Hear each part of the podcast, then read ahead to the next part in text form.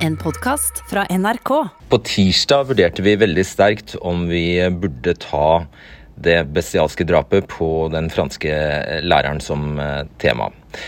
Da utsatte vi det for så vidt, og da det nærmet seg torsdag, så fant vi ut at vi så oss rundt og fant ut at det er jo definitivt den, egentlig den aller største og viktigste saken i nyhetsbildet. Samtidig visste vi veldig godt at vi da beveger oss inn i eh, altså det som eh, er et vepsebol, og som har sånne ingredienser som gjør at eh, man ikke gyver løs på oppgaven med stor fryd. Det må jeg si. Det handler om islam, muslimer, terror, vold, islamofobi og alt dette her. Så vi har brukt ett og et halvt døgn på å ringe og ringe og ringe og ringe. og ja, altså Lista over hvor mange vi har vært i kontakt med og prøvd å få til å være med i dagens sending, den er veldig, veldig, veldig lang.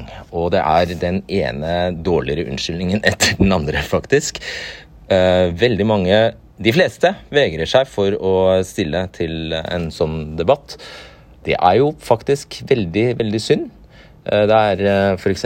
synd at vi ikke får noen fra de større muslimske trossamfunnene, annet enn Islamsk råd eh, Norge, til å stille. Kjempedumt, fordi det jo er viktig at man ikke skygger banen. At vi fremdeles kan ha et uh, debattklima i Norge der vi behersket diskuterer disse viktige sakene. Når det er sagt, så fikk vi til et godt panel, en god, kom, godt komponert sending, syns jeg. Vi forklarer litt av bakgrunnen for islamistisk uh, singelterrorisme, som dette her kan se ut til å ha vært. Uh, og vi trekker det til, hjem til Norge, fordi det jo også er snakk om at norske lærere vil måtte eller kunne bruke karikaturene i sin undervisning. Det avskyelige knivdrapet på læreren Samuel Paty har sjokkert oss alle. Men kunne det skjedd her?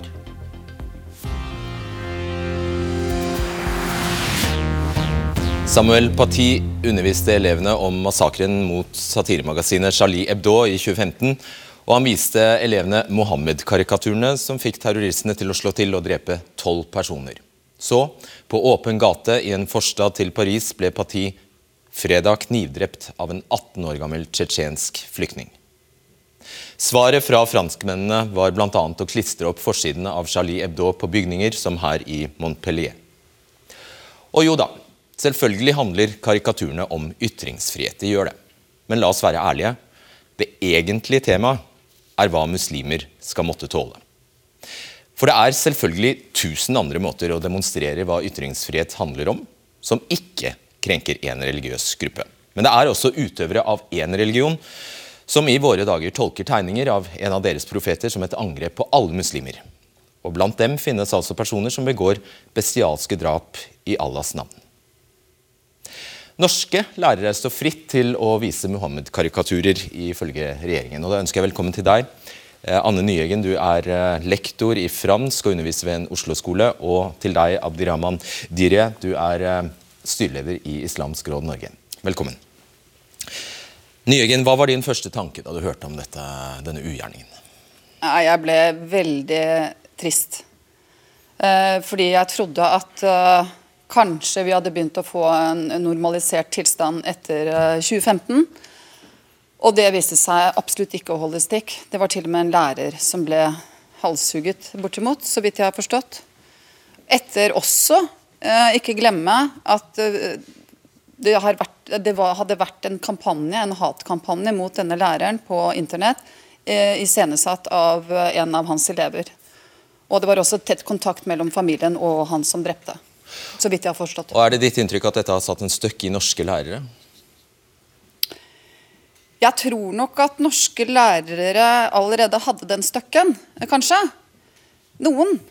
Eh, men det er klart, det, er jo, eh, det, det, det treffer ekstra hardt for oss når, vi, når, det faktisk er en lærer på en skole som, som blir drept. Det gjør det. Og du viser fram karikaturer av Mohammed i din undervisning? Ja, det har jeg gjort eh, i to år. Eh, jeg har ikke fransk, jeg er ikke ved den skolen nå i år, så jeg har ikke fransk. Men i fjor, eh, nei, eller i januar så holdt jeg på å glemme det, og jeg ble, fikk helt sånn Jeg holdt på å glemme årsdagen for, eh, for massakren på, på Charlie Hebdo. Eh, og fikk laget et opplegg over to økter, som er sånn halvannen time. Hvor, hvor, jeg hadde jo selvsagt en, en, en, ramme rundt det, hvor jeg fortalte om, om Kaibu og, og Wolinski og, og de andre fantastiske tegnerne. Og eh, hadde intervju med dem eh, som elevene skulle prøve å forstå. Veldig veldig utfordrende for dem, selvsagt, i andre gym. Men, mens, og så viste jeg tegninger. Hvordan gjør du det? Det viste jeg på, på Det var uh, fra, fra, nettet, som jeg viste på skjerm. Og jeg valgte eh, bevisst ikke de styggeste. For det er jo noen ganske stygge tegninger eh, av, i deres kritikk av islam, som det er mot katolisismen også. Mm. Jeg, så jeg viste, viste, relativt uskyldige tegninger, litt sånn som eh, den som var eh, på, på gavlen der. Abdurrahman Diri, du er også styreleder i Islamsk råd eh, Norge. Er det feil, mener dere det er feil, å vise alle former for uh, avbildninger av profeten Mohammed? Altså Fra et teologisk ståsted eh, fra islam, nå skal ikke jeg gå inn i detaljer på det, så er det ikke forbudt islam å tegne eh, Gud eller profeter. og Det gjelder ikke bare profeten Mohammed, det gjelder Jesus og Moses og alle andre også, som er nevnt i Koranen. Og Dette her er jo en lang historie bak seg, og det er bl.a. for å unngå eh, avgudsdyrkelse. Syns du da det er feil, det nye Reginør?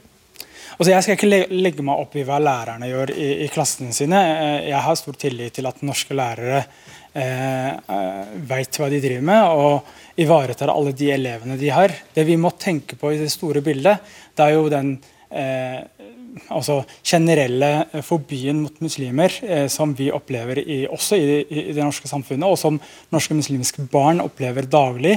Eh, for ikke så lenge siden så hadde vi en, en seanse hvor Redd Barna hadde bl.a. to unge muslimske barn eh, til intervju, og hvor de la frem hva de føler i hverdagen, og at deres religion og, og selvfølelse blir gjort narr av, og blir egentlig spotta på daglig. I hvilke sammenhenger mener du det ville kunne være greit å vise tegninger eller karikaturer av Mohammed? Det som, er, det som er greia, som også Anne var inne på, det er jo her er det eh, altså Vi har ikke noen bilder av profeten. og I hans tid så var det ikke mulig å ha bilder heller, så vi aner jo egentlig ikke hvordan han ser ut, annet enn de beskrivelsene som man ser i de religiøse tekstene i form av beskrivelse, og ikke i form av, eh, av bilder. Eh, så, så, det har vi jo ikke. Men Eh, det er selvfølgelig konteksten det kommer på. Ja, gi en sånn kontekst. Det er det jeg spør om. La oss si f.eks. i karakterstriden tilbake for noen år siden, så vil det kanskje ha en historisk verdi for elevene å lære om hva som skjedde og hvorfor ja, det skjedde osv. Ja, men ikke nødvendigvis at man skal det håne og gjøre narr av hva andre setter høyt som profeten er for muslimer. Hvorfor er det et så stort poeng? Hadde du ikke klart å, hadde du ikke klart å fortelle dem om massakren uten å vise uten å vise karikaturene? Nei, nei altså, jeg hadde klart det, men det hadde vært veldig merkelig. og Dessuten, altså, Enhver ungdom i dag kan bare skrive Charlie Hebdo på Google, og så får de opp disse bildene, og de får styggere bilder. Hvorfor er det merkelig? Det, merkelig. Hvorfor hadde det vært merkelig å ikke bruke dem? Ja, men altså, Jeg, jeg syns det var viktig i den settingen å, å vise eh, bildene, også fordi at de bildene jeg viser, var så sterke. Eh, hvor, hvor, sånn som det bildet der, hvor, hvor eh, profeten, tror jeg det er avbilda, da sier alt er, alt er uh, unnskyldt. Tout est pardonné. Og Je suis Charlie på, på, på, brystet. ikke sant? Og en annen en hvor han sitter og holder hodet i hendene og sier så hardt det er å bli elsket av idioter. Altså, det her er jo, det her er jo veldig gode tegninger som, som støtter opp om fredelige, fredelige praktisering av islam. vil jeg si. Og det, er, og det, er jo, det, er, jo, ikke alle bilder som er. og er, Her er jo konteksten som er viktig. ikke sant? Her har vi sett bilder hvor man har tegna eh, bombe i turbanen og viser at profeten ja, han var voldselskende. han var liksom en Så det er ikke alle karikaturer du eller andre muslimer blir støtt av? Det bare, muslimer, bare er, muslimer, er, nok ikke en homogen gruppe Nei, som er helt like. Altså, de vil jo reagere det forskjellige. Noen vil ikke reagere det hele tatt, mens andre vil reagere.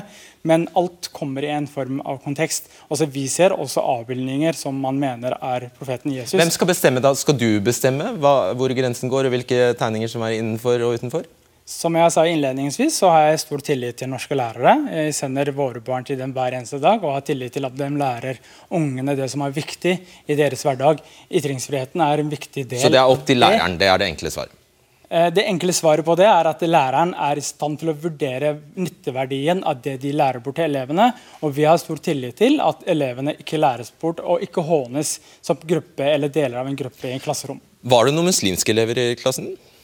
Jeg tror, ja, det, det var I en av klassene så var det, så én eh, som jeg eh, snakket med på forhånd.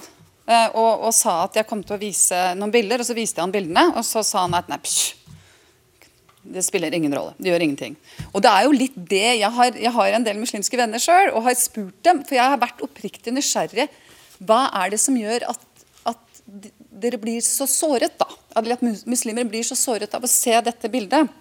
Og så har jeg funnet ut at at det er faktisk betydelig mer nyansert. De jeg har snakket med, sier at nei, vi blir ikke så fryktelig såret. Noe vi kan kanskje bli litt lei oss, men vi bryr oss ikke så veldig mye. Har faktisk jeg fått tilbakemelding på. ikke sant? Så, og så må jeg, jeg må ja. få lov til å si en ting til. fordi um, det her er satire og kritikk av islam, eller en praktisering av islam som man mener er kritikkverdige, som en del av et samfunn.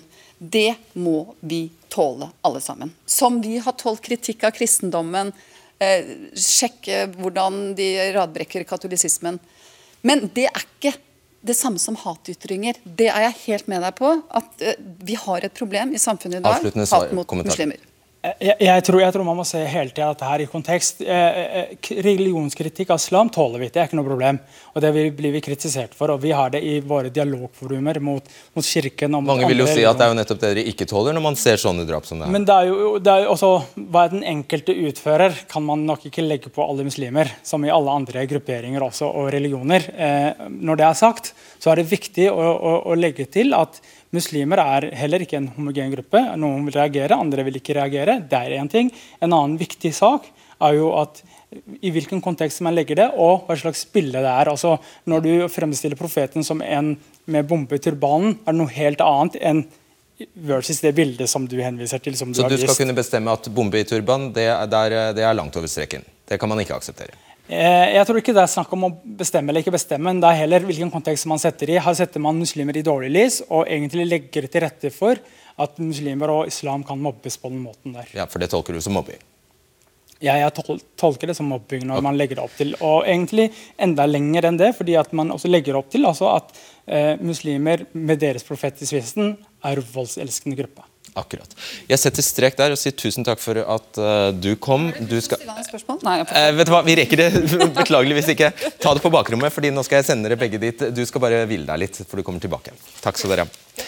Allerede i 2015 oppfordret IS til drap på lærere i Frankrike fordi de hadde utpekt den sekulære franske skolen som mor til alle synder. Petter Nesser, du er seniorforsker ved Forsvarets forskningsinstitutt og førsteamanuensis ved Handelshøyskolen. I tillegg har du forsket på og skrevet bok om islamistisk terrorisme i Europa. Hvilken rolle har disse karikaturene spilt i terrorutviklingen i Europa? La oss si de 20 siste årene. Altså, Mohammed-karikaturene har hatt en eh, betydelig eh, innvirkning på trusselbildet i Vest-Europa over, over, lengre tid. Men eh, det var særlig i forbindelse med den første publiseringen av Jyllandsposten Eh, da Al Qaida kjørte en kampanje der de oppfordra sine tilhengere eh, verden over til å slå til mot de som, eh, som fornærma profeten. Mm. Eh, og det her førte jo til faktisk en dreining i trusselbildet, der man så en sterk økning eh, i terrorhendelser i Skandinavia, spesielt i Danmark. Eh, som faktisk tangerte altså, terrornivået i et land som Frankrike. Og Hvorfor trigger disse tegningene ekstremisme? Altså, eh, Al Qaida spiller her på å bruke eh, teologiske eh, tekster som har på en måte eh, Som, som eh, resonnerer utover de mest ekstreme miljøene. Hva eh, og med religiøse tekster Sikter du til Koranen? Eller? Jeg sikter til en, en, fatwa som Al Qaida brukte i sin propaganda, av en, en teolog, en middelalderteolog som het Ibn Taymiyyah. Eh, som da eh, foreskriver en individuell plikt for enhver muslim til å, til å drepe eh, en som fornærmer profeten. Uh, og Dette ble, ble, da brukt i propagandaen. og Vi har også sett da i konkrete terrorsaker at uh, denne, denne, teksten uh, har vært en inspirasjon. Da. Hvordan henger det på greip med alle de som insisterer på at islam er en fredfull religion? Altså, dette er jo ekstreme grupperinger med ekstreme fortolkninger, som da bruker dette for å mobilisere. og det er også, jeg har, i hvert fall en teori om at dette med Mohammed-karakterer og fornærmelser mot islam blir kanskje ekstra viktig for eh, de organiserte gruppene sånn som Al Qaida og IS i perioder da de er under militært press. Fordi at uh, Her så uh, tar man og mobiliserer rundt en sak som kan nå ut uh, til på en måte randsonen rundt de aller mest ekstreme nettverkene. Sånn at det, er en, en, viktig symbolsak som, som, kan. Som, som, kan brukes til rekruttering. og Bakteppet for dette bestialske drapet i Frankrike, hva vet vi om det litt kort? Nei, altså Det har jo vært eh, da en lokal mobilisering mot denne læreren. Det har vært eh, på en måte eh, foreldre som har involvert seg. og så, sånn Gradvis gjennom etterforskningen så kommer det også fram informasjon om at det har vært ekstremister som sikkerhetstjenester kjenner til, som har hatt indirekte kontakt med da, denne personen som utfører gjerningen. da. Eh, det er jo altfor tidlig å si altså, hva eh, disse, disse, kontaktene består i, og hvor mye instruksjon eh, for eksempel, som har vært inne i bildet. Men det virker i hvert fall som det er en, en kontekst rundt, rundt handlingen lokalt. Og så er det jo også da at Dette sammenfaller med denne rettssaken mot personer som var med i det første angrepet mot Charlie Hebdo i 2015. Eh, det har nylig vært et angrep eh, utenfor de gamle lokalene til Charlie Hebdo av en eh, ung pakistansk person. Som også da kan ha vært med på å kanskje trigge denne hendelsen. Det vet, det vet man ikke. Og det, det, som jeg refererte til innledningsvis her, at IS har utpekt den franske, franske sekulære skolen og lærerne i den som legitime mål, hva, hva kan det borge for? Altså, dette er jo eh, det er den måten eh, terrorgrupper opererer på. De, de, skal skremme. Og Frankrike er jo eh, på en måte fiende nummer én for jihadistene i Europa. Det har hatt et høyt trusselnivå helt siden 90-tallet. Det er det landet der nettverkene er sterkest, ved siden av England. Eh, sånn at eh, Frankrike er et satsingsområde. og eh, Hva enn jihadistene kan gjøre for å skremme Frankrike, vil de gjøre på den måten de, de kan. Er det fordi de er så mange? Syv, kanskje sju millioner muslimer i Frankrike? Eh, altså, Det er i hvert fall betydelige ekstremistmiljøer som har hatt feste der over, over lang, lang, lang tid. Eh, sånn at eh, Det øker da sjansen for å kunne nå eh, ut til folk i randsonen og nettopp påvirke, påvirke de til å, til å, gjøre sånne ekstreme ting som det vi ser her. Så det er ikke en umiddelbar smitterisiko til Norge f.eks.?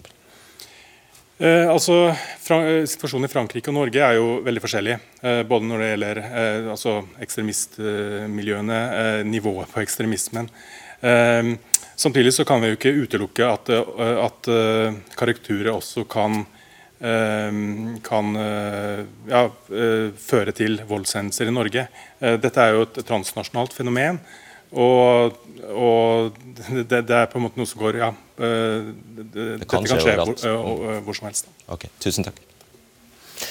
Ja, Man kan nesten ikke finne en mer eksplosiv kruttønne enn denne debatten, som dreier seg om terror, islam, innvandring, islamofobi. Det fikk forfatter Neha Navin erfare da hun forleden la ut denne tweeten. Det tok nemlig ikke lang tid før tweeten hennes var spredt over nær sagt hele internett, og bøtter med fordømmelse fulgte. Navin beklaget opptil flere ganger, og hun slettet tweeten, men fremdeles deles denne tweeten på sosiale medier, og en nyhetssak om tweeten er blant de mest leste sakene. Før jeg spør hvorfor du gjorde dette, Navin, så skal jeg bare referere hva du skrev. Å bruke ytringsfrihet for å trykke karikaturer av Mohammed er på nivå med å bruke ytringsfrihet for å mobbe, og så bli sur når mobbeofferet tar igjen. Nei, jeg støtter ikke terror på noen som helst måte, men det er et latterlig forsvar av ytringsfrihet å dele karikaturene. Og Dette ble jo tolket som at du bagatelliserte drapet. ikke sant? Når du skriver eh, 'å ta igjen', så blir det tolket som at du mener 'ta igjen' i form av drap, og at det da var drapsmannen som var offeret. Hva var det du egentlig mente?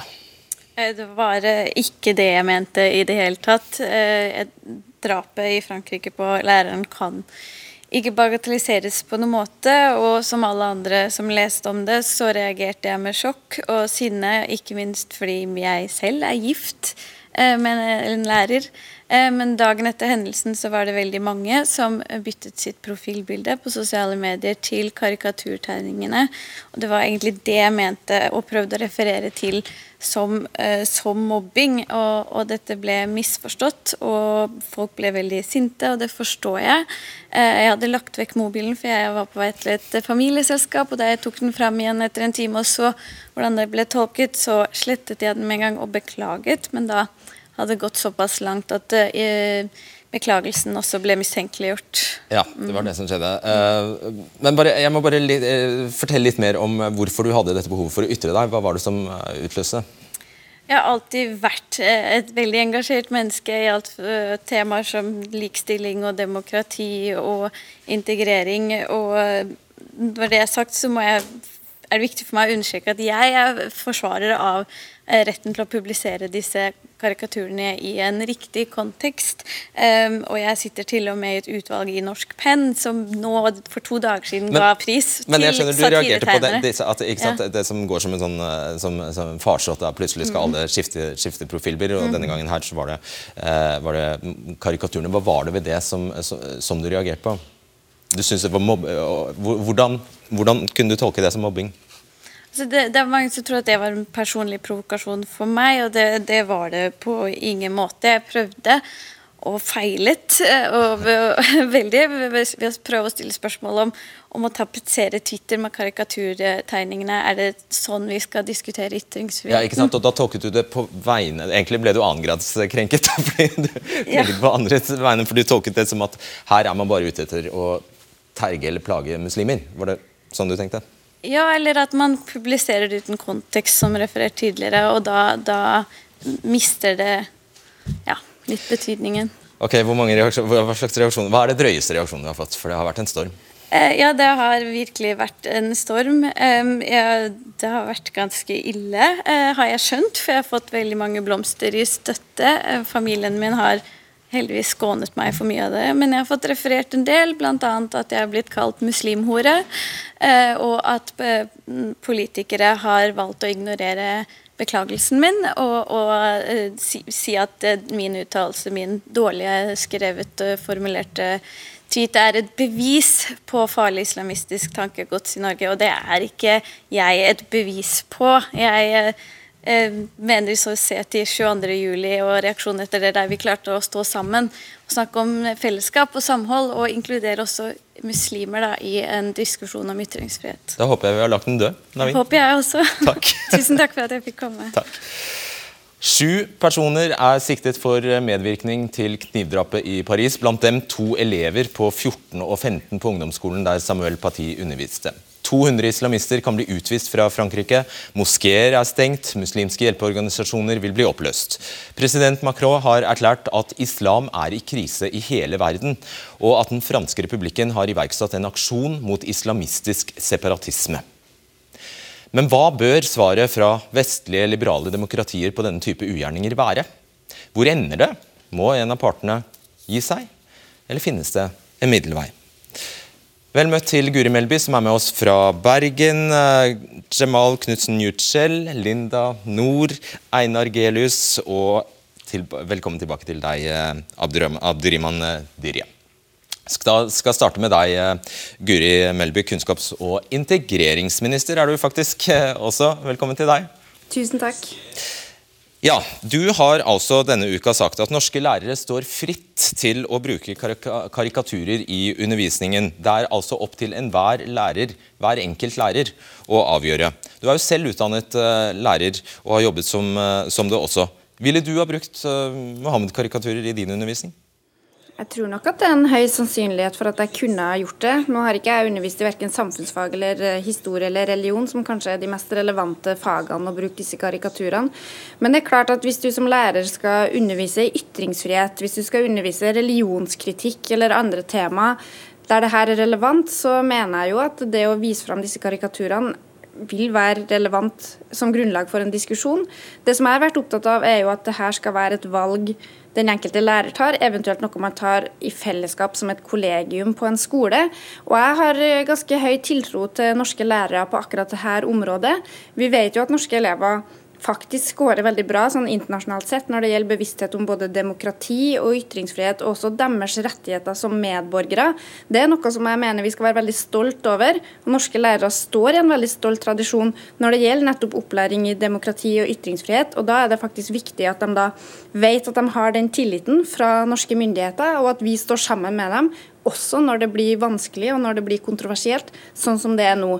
Og så har jeg fått tilbakemeldinger fra flere lærere som nå sier at de har blitt bekymra, og at de faktisk har blitt redd. Og det gjør meg bekymra. Fordi at lærere, sammen med både journalister og kunstnere og andre, er jo blant dem som står i frontlinja for kampen for ytringsfriheten og for demokratiet vårt. Og det er veldig viktig at de føler at de kan gjøre jobben sin, og samtidig føle seg trygg. Jeg er sikker på at du også har fanget opp eh, andre reaksjoner, eh, Melby, som eh, går på at når du f.eks. i Aftenposten skriver derfor står jeg sammen med dere lærere i deres klasserom for trygghet og ytringsfrihet i vårt samfunn, så er det flere som påpeker og reagerer på at du gjør faktisk det motsatte. Du sitter inne i en pansret bil med stort sikkerhetsopplegg rundt deg, mens overlater risikoen til den enkelte lærer for å oppholde dette prinsippet som er nedfelt i, i vår grunnlov? Eh, I likhet med alle så vandrer jeg også rundt i gatene og rusler akkurat ned til Media City her i Bergen uten, uten å sitte i noen pansra bil. Men jeg skal ikke undervurdere at det er jo lærerne som altså, som jobber på grasrota, som er ute og møter både elever og foreldre, som har den tøffeste jobben av oss. Og nettopp derfor så syns jeg jo det er viktig at vi er med og viser at vi står sammen, alle vi som kan. Nå avbryter jeg deg, for da er jo poenget Burde ikke beskjeden fra deg være Nå gjør vi sånn. Skolen. Vi står sammen om dette. Vi viser elevene hva, hva karikaturene, hvordan de ser ut.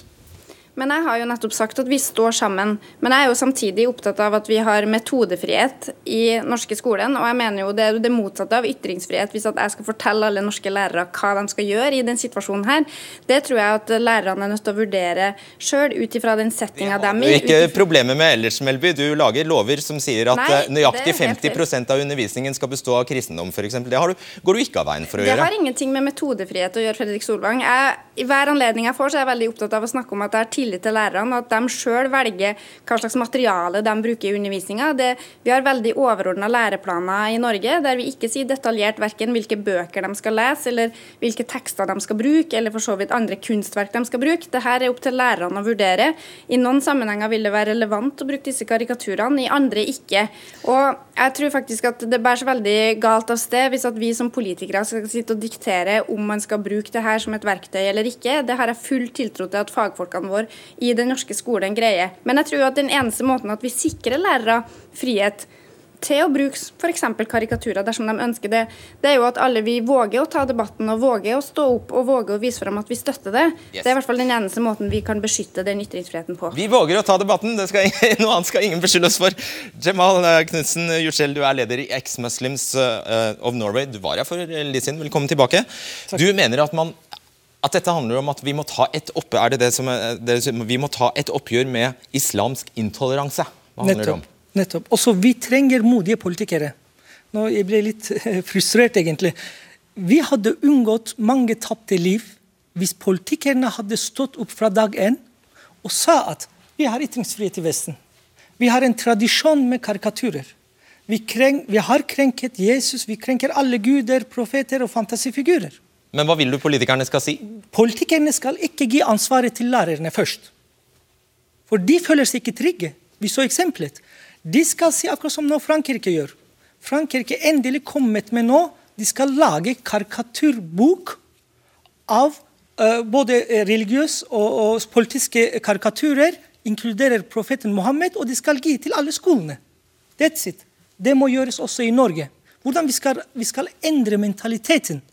Det er det som er problemet. La oss ta det med Melby først som sist. Det stemmer det at eh, de skal faktisk gi ut en bok som skal distribueres til skolene i Frankrike, som rett og slett inneholder karikaturer. Er det en god idé også, også for oss? Nå er det ikke sånn at Vi har sentralgitte lærebøker i Norge, men vi har jo masse tilgjengelige ressurser som hjelper lærerne på vei i hvordan det kan være bra å undervise i både ytringsfrihet, menneskerettigheter, tema som kan være krevende. Men jeg har veldig lite tiltro til at vi skaper et større rom for ytringsfrihet ved at vi skal diktere hva lærere skal holde på med. Eh, og min, eh, mitt inntrykk er jo at norske lærere løser det her på en veldig god måte rundt omkring i klasserommene i hele Norge i dag. Det er jo ikke sånn at vi, selv om vi går foran og sier at det her er noe de står fritt til å gjøre, så kommer vi jo aldri til å frita den enkelte læreren ansvaret for å gjøre gode vurderinger hver eneste dag i sitt klasserom. Jeg tror jo de beste vurderingene blir gjort hvis læreren sjøl opplever at han har både tilliten til å gjøre det og friheten til å gjøre det. Ja, superkort. Men vet du hvor mange lærere er redde, og hvor mange sliter? Snart vi skal få i, i, i avisene faktisk mange ting. For jeg har selv fått kontaktet av ø, ø, lærere faktisk redde. Mm. Uh, Dirje, det, kunne det være en god idé for å, altså at det ble trykket en sånn bok med karikaturer og distribuert til norske skoler? Spørsmålet er hva er det man ønsker å oppnå? Eh, som vi snakket om tidligere. Altså, her, her, er konteksten viktig. Eh, hvis det er noe man skal undervise elevene og barna på skolen, så må det ha en verdi for dem også. Og Det er den verdien som er viktig. Ikke at man skal eh, på en måte eh, lage skiller mellom grupperinger eller på en måte krenke noen elever. Eller i det hele tatt sørge for at noen ja, Det er et veldig enkelt spørsmål. Er det en god eller dårlig idé å trykke en bok med Mohammed-karikaturer? Ikke si ordet kontekst. Er det en god eller dårlig idé? Dårlig idé. Dårlig idé. Hvorfor det? Fordi at eh, det vil ikke føre til noe eh, verdi for elevene. Eh, hvis det er noen som er veldig interessert i disse karikaturene, så finner de dem på internett. Ja, Skal du henvise norske elever til internett? Norske elever har ikke nødvendigvis behov for det, men det er jo, opp, det er jo læreren og den tilliten til læreren har vi jo alle sammen. Vi har tillit til at læreren vet hva som er godt for elevene. og i, Det er viktig å, å ha i bakhodet hvilken kontekst vi, vi snakker om her. Mm. Og at man ikke eh, går fram i klasserommet for å provosere deler av skolen eller elevene. Og Er ikke det et stikkord for deg? Skal, læreren skal ikke provosere elevene?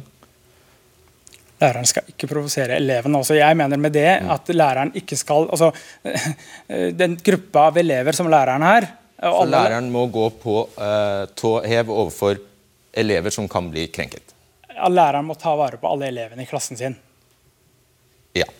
Einar Gellus, velkommen til deg. Mange kjenner deg som kjendisprest. Det er en kjensgjerning. Nå er du prest i eh, Søre Ål, og i tillegg har du skrevet bok om Mohammed og Jesus. Til Vårt Land, avisen, skriver du at du er kritisk til islams ideologiske tankesett, og du mener hovedutfordringen er at, eh, ved islam er at muslimer oppfatter det som noe mer enn et eh, livssyn, altså mer enn en tro. Hva, hvordan da? Ja, men jeg synes Det er interessant nå å diskutere hvor er det disse terroristene får tankegodset sitt fra. Hvor er det de henter ideene sine fra når man, når man driver og, og halshugger folk? Og Da må man gå til kilden, nemlig islam. Og jeg har gjort det nå. Jeg har de siste årene prøvd å studere islam og Muhammeds historie. Muhammed er en profet. I den tidlige tiden så var han en religiøs leder. Han hentet veldig mye av stoffet sitt fra Det gamle og Det nye testamentet. Men senere i Muhammeds liv så ble han en krigsherre, han ble en politisk leder. Og Det er det som gjør det så komplisert, fordi at muslimene ser på islam ikke bare som et religiøst livssyn, men det er en politisk ideologi som styrer hele livet deres. Alle muslimer gjør det? Kan du hevde det? Ja, men la oss nå se. I, i, i vår verden så har man to, to muslimske fyrtårn. Det er Saudi-Arabia og det er Iran. Iran med sjiamuslimer, Saudi-Arabia med sunnimuslimer. Dette er to av verdens verste diktaturer. Hvor det ikke finnes menneskerettigheter, hvor det ikke er frihet i det hele tatt som vi forbinder med frihet. Så tenker jeg, er det der den ekte islam er? Er det der vi finner den ekte og sanne islam? Hvis det er tilfellet, ja, da har vi jo veldig mye å frykte for. For jeg lurer jo på, det er jo det, det, er jo det jeg har etterlyst hos Islamsk råd. Hva er islam?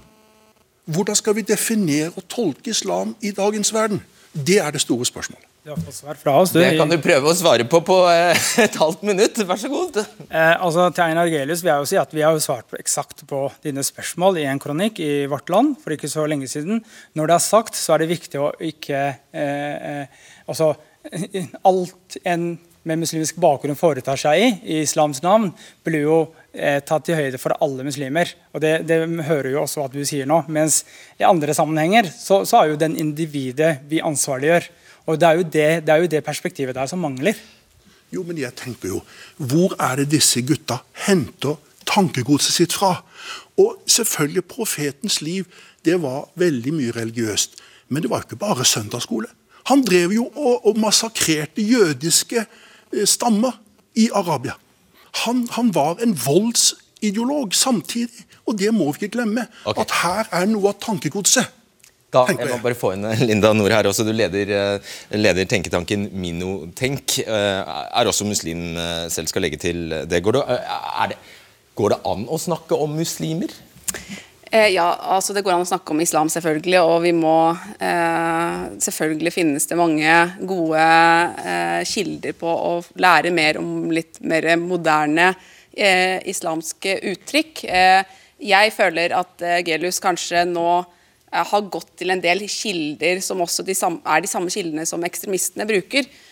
hvis, vi se, hvis vi skal være kildekritiske, så har vi faktisk ingen gode eh, historiske kilder fra altså et eh, faglig ståsted som kan si noe som helst om profeten Mohammed. Så det som er viktig Man vet altså ingenting om Muhammed? Er det det du står og sier? Det gjør man faktisk ikke fra et, eh, fra et, eh, fra et kildekritisk ståsted. så gjør vi men ikke det. Så da... Derfor, det som er viktig, ja, er hva muslimer selv tror, og hva muslimer selv praktiserer. Ja, men hvem er de selv? Kan jeg bare bidra én ting? Muslimer ikke sant, består av nesten to milliarder mennesker. Norge og Linda Nord mener at Saudi-Arabia praktiserer islam feil, de er ikke muslimer. Iran er ikke muslimer. Alle de sharia-landene som straffer med dødsstraff blasfemikere, er ikke muslimer. ISIS ikke muslimer. Al Qaida er ikke muslimer. Ahmadi er ikke muslimer. Shia er ikke muslimer. Jeg har tatt poenget. Vi snakker om islam. Koran og hadith er ikke muslimer. For de som ønsker å utdype det, så, eh, så ga vi ut en bok som heter 'Islamsk humanisme', som berører alle disse problemstillingene. Og dette her er jo selvfølgelig en veldig lang og komplisert debatt. og det er jo sånn at Til og med i Saudi-Arabia så er det jo reformer og endringer som skjer nå. Og de fleste muslimer i verden Vi vet det. Ja, de kjenner seg jo ikke igjen i saudi-arabisk islam. Eller iransk islam. Da var det feil. Ok. Greit. Det som er interessant, det er jo det som nå skjer i Frankrike. Hvor altså president Macron og regjeringen går inn og sier at vi, går, vi, må gå inn og undersøke hva som faktisk undervises og skjer i moskeene. Og Det er jo det vi ikke vet noe om her i Norge heller. Vi vet jo ikke hva som forkynnes, hva som sies, hva som hva, hva, hva som skjer i moskeen. Din, Gelius? Hva er det du vil fram til? Jeg vil fram til at vi må ha åpenhet rundt disse spørsmålene. Jeg er, jeg er ingen muslimhater. Tvert imot. Jeg har, jeg har, drevet med dialogarbeid i 25 år. Jeg. jeg var den første presten som inviterte en muslim til en gudstjeneste. Men hvor, bare ta men, det tilbake ta det til jeg, norske men, forhold. Hva er det du ser her som, som skremmer deg, eller som, som, som uroer deg? Det som uroer meg, det er at f.eks. Islamsk råd ikke kan svare på hva skjer med mennesker som frafaller troen. Hva skjer med kvinners rettigheter? Hva med synet på homofile? Dette er rent konkrete spørsmål som jeg har stilt til Islamsk råd. De klarer jo ikke å svare på det. Og Dette er veldig grunnleggende spørsmål som handler om menneskerettighetene våre. Om vår frihet, om vårt demokrati. Og dette må, dette må jo på et eller annet vis også islam svare på. Vær så god. Takk. Eh, jeg tror vi må forholde oss til, til norsk kontekst og i norsk forhold. Eh, for alle problemer rundt omkring i verden tror jeg ikke vi kan løse i dette studioet her. Ikke kan vi heller være talspersoner for dem. Eh, jeg forholder meg i hvert fall til det som skjer i Norge. Når det er sagt, så er det viktig at når vi snakker om disse spørsmålene, så snakker vi alltid om kontekst. Jeg var inne på at enhver ting en med muslimsk bakgrunn foretar seg, blir kobla til islam som helhet og blir bedømt ut ifra det. Vi har jo terrorangrep som har skjedd i Norge 22.07. i 10.8. Begge disse terroristene kobla sin handling med kristendommen som de mente var deres tro. Vi er flinke nok til å si at det er ikke pga. kristendommen. Såpass kjenner vi det til. Og såpass generaliserer vi heller ikke og polariserer debatten. Og, og, og, jeg mener Det er viktig at man har det i bakhodet at når en idiot foretar seg noe, så er det han eller hun som må ansvarliggjøres. Og ikke nødvendigvis to milliarder mennesker, slik Gelius driver med. Poenget mitt er jo at disse som bedriver terror på europeisk jord, de henviser jo til Koranen. De, de, roper jo store Gud når de utfører dette. Jo, men Hvor altså, mange har... har ikke utført udåder i Guds navn? eller i Jesu navn?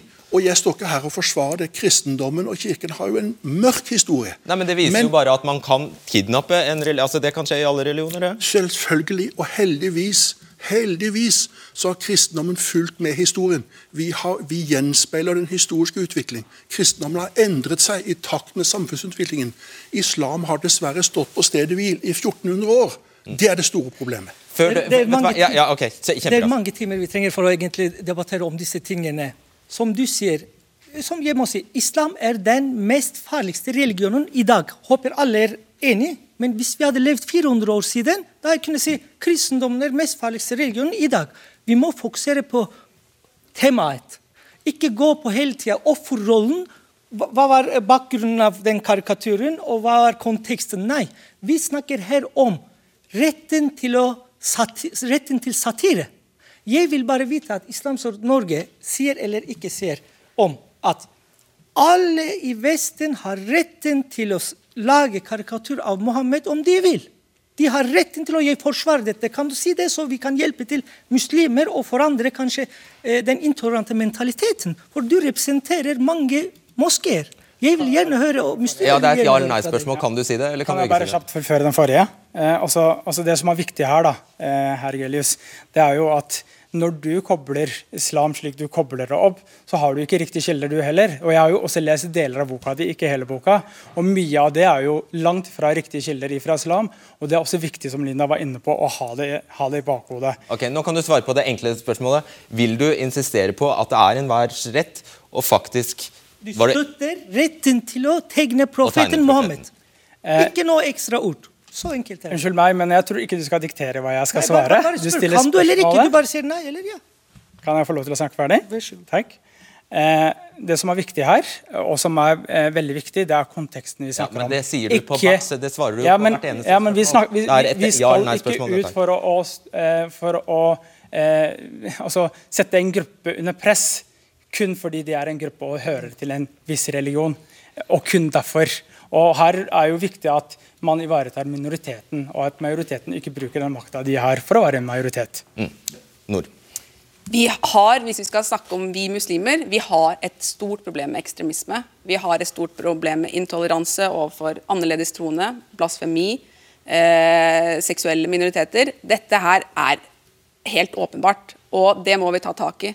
Samtidig så er det kjempeviktig å anerkjenne at muslimer er forskjellige. At det pågår mange frihetskamper internt blant muslimer, med press utenfra fra tidligere muslimer. Dette her er en veldig dynamisk og pågående eh, intern verdikamp.